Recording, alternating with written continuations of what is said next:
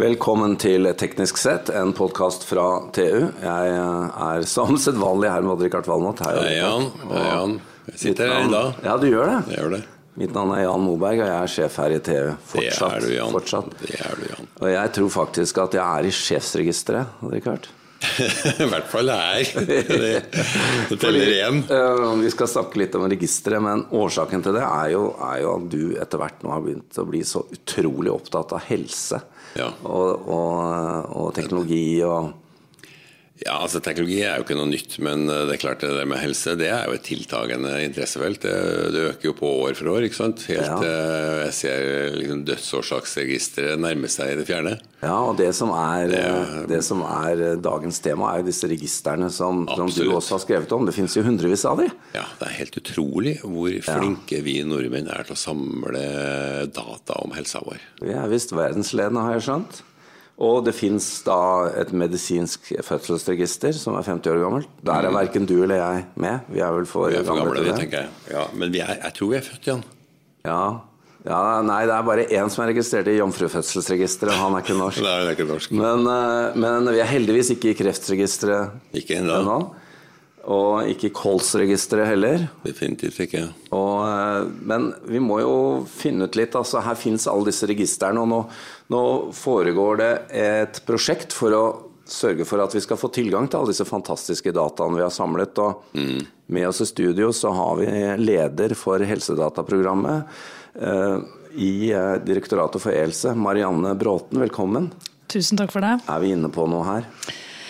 Dere har uh, fått med dere mye om uh, rikets tilstand i Norge på dette med helsedata. Uh, vi har hundrevis av helseregistre i Norge med masse data av veldig god kvalitet. Som er samlet inn til kvalitetsforbedring av helsetjenesten, oppfølging av ulike sykdommer og forskning innenfor enkelte sykdomsfelt. Men alt det kunnskapsgrunnlaget som finnes i disse dataene, har vi veldig stor bruk for i uh, forskning. Ja. Der man trenger å forske på sammenhenger mellom sykdommer, uh, utvikling av uh, medisiner, styring av helsetjenesten, predikere sykdommer. Ja, det er masse man kan bruke alle disse helsedataene til. Men å få tilgang til dem og det å vite hvor disse dataene er i hvert enkelt register, slik det er i dag, er veldig vanskelig. Ja, og, men, men, først så må vi bare få heist opp det temaet at vi Er det slik da at vi i Norge da har vært så eksepsjonelt flinke til å samle data i 50 år? Vi har vært veldig... Altså i forhold til andre nasjoner? Ja, det er, eh, det er riktig at Norge er i verdensklasse med å samle inn uh, verdensdata. I Norden, generelt. Norden generelt mm. er uh, Vi ligner veldig på våre naboland i hvor flinke vi har vært i å samle data og i hva slags type registre vi, uh, vi, har. Og det er også, tro det eller ei, det høres helt utrolig ut for oss nordmenn, men det er få land i verden som har en personlig identifikator, sånn som vi har med fødselsnummeret. Ja. Så kombinasjonen av det at vi har så mye helsedata og har mulighet til å sette disse dataene sammen for å bruke de mer og sette ting i sammenheng, gjør eh, de nordiske landene helt unike i forhold til hva vi kan bruke dette til. Men den oppgaven du har tatt fatt på nå, da, jeg skjønner jo det du har allerede sagt at det å få tilgang til disse har vært både tatt lang tid, og kanskje har du ikke fått en effektiv tilgang. Hva, hva, er det som skal skje nå, da, når vi har alle disse fantastiske dataene der ute? Vi må gjøre flere ting. Eh, for det første så må det bli enklere å i det hele tatt vite hva vi har av data rundt omkring, hva slags variable finnes i ulike registre, og det å få søkt om tilgang til det. Eh, fram til nå så er det slik at du må vite om hvert enkelt register, søke tilgang hos eh, hvert av registrene. Og du får eh, etter hvert utlevert data fra hvert av dem hvis du får, eh, får den tilgangen. Men bare det å få koordinert hele den søknadsprosessen, én vei inn, ett skjema, én eh, saksbehandlingsprosess, det er ett viktig steg av det, det hvor du som forsker eller annen form for bruker av helsedata vil spare veldig, veldig, veldig mye tid og slippe mye prøving og feiling også, fordi det er lettere å få oversikt. Det er et viktig steg. Men eh, også det med hva slags uh, verktøy du får uh, tilgjengelig uh, når du skal begynne å forske på disse dataene. Ja for, ja, for, nå har jeg skjønt det at uh, som forsker så får du en, US, altså en minnepinne rett og slett i posten? Du får en minnepinne i posten. Ja, en fra... Nei, vet du, Jan, jeg syns det er et fremskritt. Før var det jo faks og diskett, ikke sant. Så vi, vi, må jo vi må gi honnør her. Ja, men jeg, forstår jo nå at her er det noe å hente, da. Du fikk nok ikke så mye helsedata på faks. Det er vanskelig å kryptere. Men uh, ja, det, vi skal bort fra minnepinner og postgang og at ting skjer på uh, datamaskinen til enkeltforskere som sitter uh, rundt omkring. Vi, får, vi, skal ha kontroll på utleveringen av data. og brukerne skal få tilgang til data gjennom egne prosjektrom. Tilgang til ulike typer analyseverktøy, avhengig av hva du trenger å forske på. Du skal kunne bruke egne analyseverktøy. Mange avanserte forskningsmiljøer har egne analyseverktøy de er avhengig av å bruke.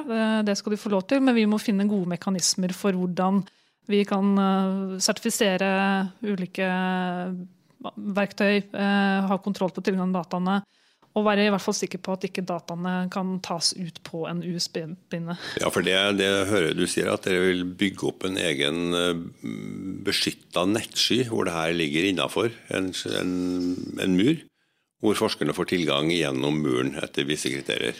Du som forsker vil få Nå, nå har vi ikke alle detaljene klare Nei. på alt det tekniske rundt hvordan, uh, hvordan, analysesystemene skal se ut til slutt, men du som forsker vil få tilgang til et eget vi kaller det prosjektrom. digitalt prosjektrom, ja. Et digitalt mm. prosjektrom.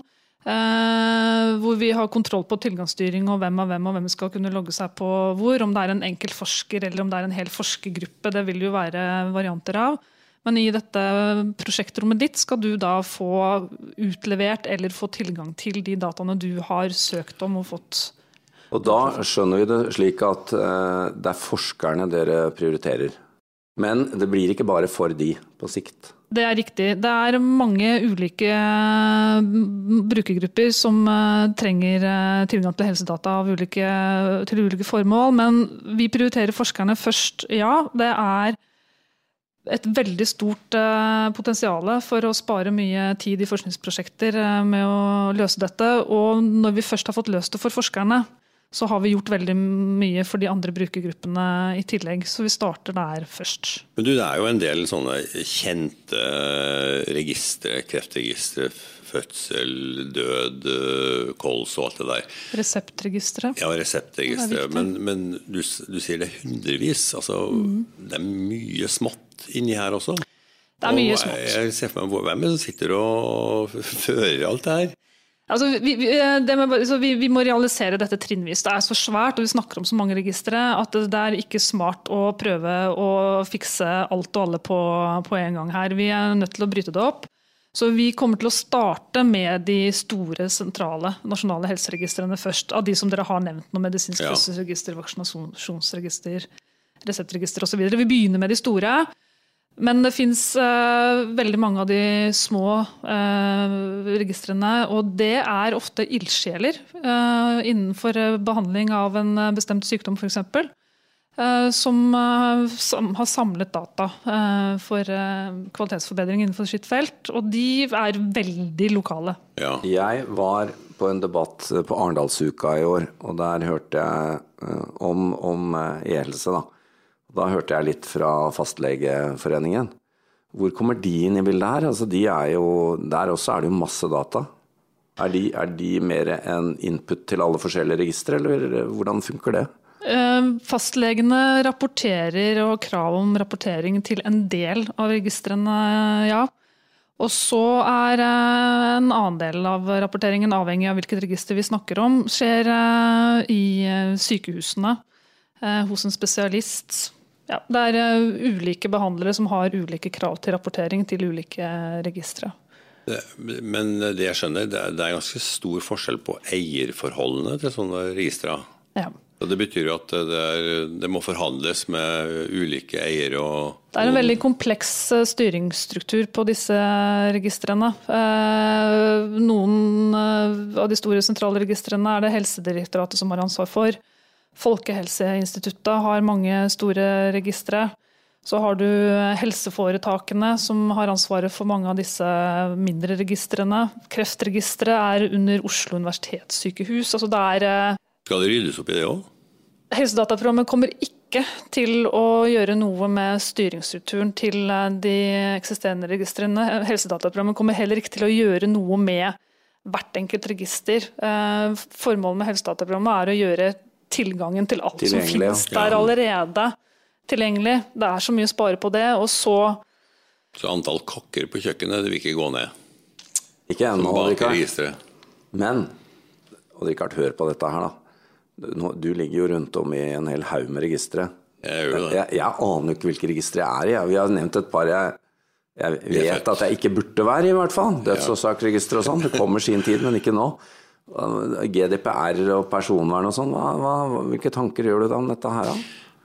Altså Dette må jo bety en forbedring. Altså Hvis, uh, hvis det før har vært liksom spydd ut minnepinner i hytt og pine, så er jo ikke det noe særlig datasikkert. Det å kunne henvende seg direkte bak en beskytta i en, en, eh, skyløsning, det må jo være uendelig mye bedre ut fra et sikkerhetssynspunkt. Jeg liker selv veldig dårlig tanken på den eh, minnepinnen eh, i posten. Eh, personvernet eller sikkerheten rundt sensitive personopplysninger blir mye bedre med, med, disse løsningene. Og vi prioriterer selvfølgelig sikkerhet veldig høyt. Men det er et annet aspekt ved dette som er veldig viktig for oss som, som innbyggere. En ting er at vi skal være sikre på at ikke data om oss går på avveie. Men du nevnte personvernforordningen.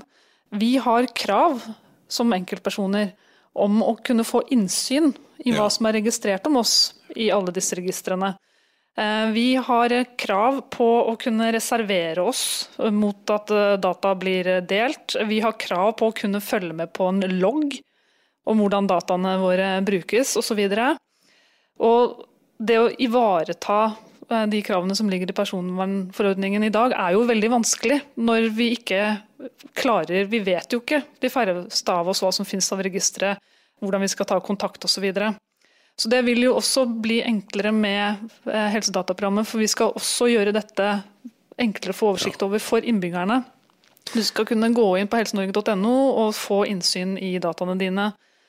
Men nå har vel forskere til nå fått anonymiserte data? De får ikke navn og adresse og hvilke hva yndlingsfargen din er og alt det der.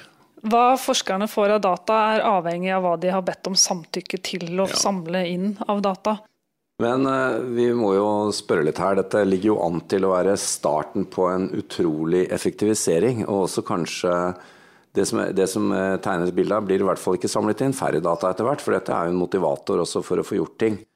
Eh, du nevnte at dette har en stor kostnadsbesparende effekt. Eh, det er sikkert noen milliarder å hente her. Men det andre må jo være utvikling, kvaliteten på helsetjenestene, medisiner og i det hele tatt. Ja. Vi, vi sparer noe på stordriftsfordeler ved å ha nasjonale fellesløsninger framfor at hvert enkelt register mm. lager egne tekniske løsninger, f.eks. tilpasset dette med innbyggeres uh, innsyn. Eh, der sparer vi noe, men gevinsten på, på, å innføre dette ved at vi får eh, mer og bedre og mer effektiv eh, forskning. Bedre datagrunnlag for styring og utvikling av helsetjenesten. Prediksjon i forhold til sykdomsutvikling. Altså Gevinstene i forhold til forskning og, og folkehelse på dette er enorm. Ja. Vi må gå inn for landing, vi. Eh, Marianne, dette har vært eh, superspennende å høre om. Det er et helt nytt felt for meg. Og Richard, jeg ante ikke at det var hundrevis av sånne registre. Nei, det, det var faktisk overraskende for meg òg, ja. det var så mange. Men du og jeg har jo snakket tidligere om eh, kunstig intelligens.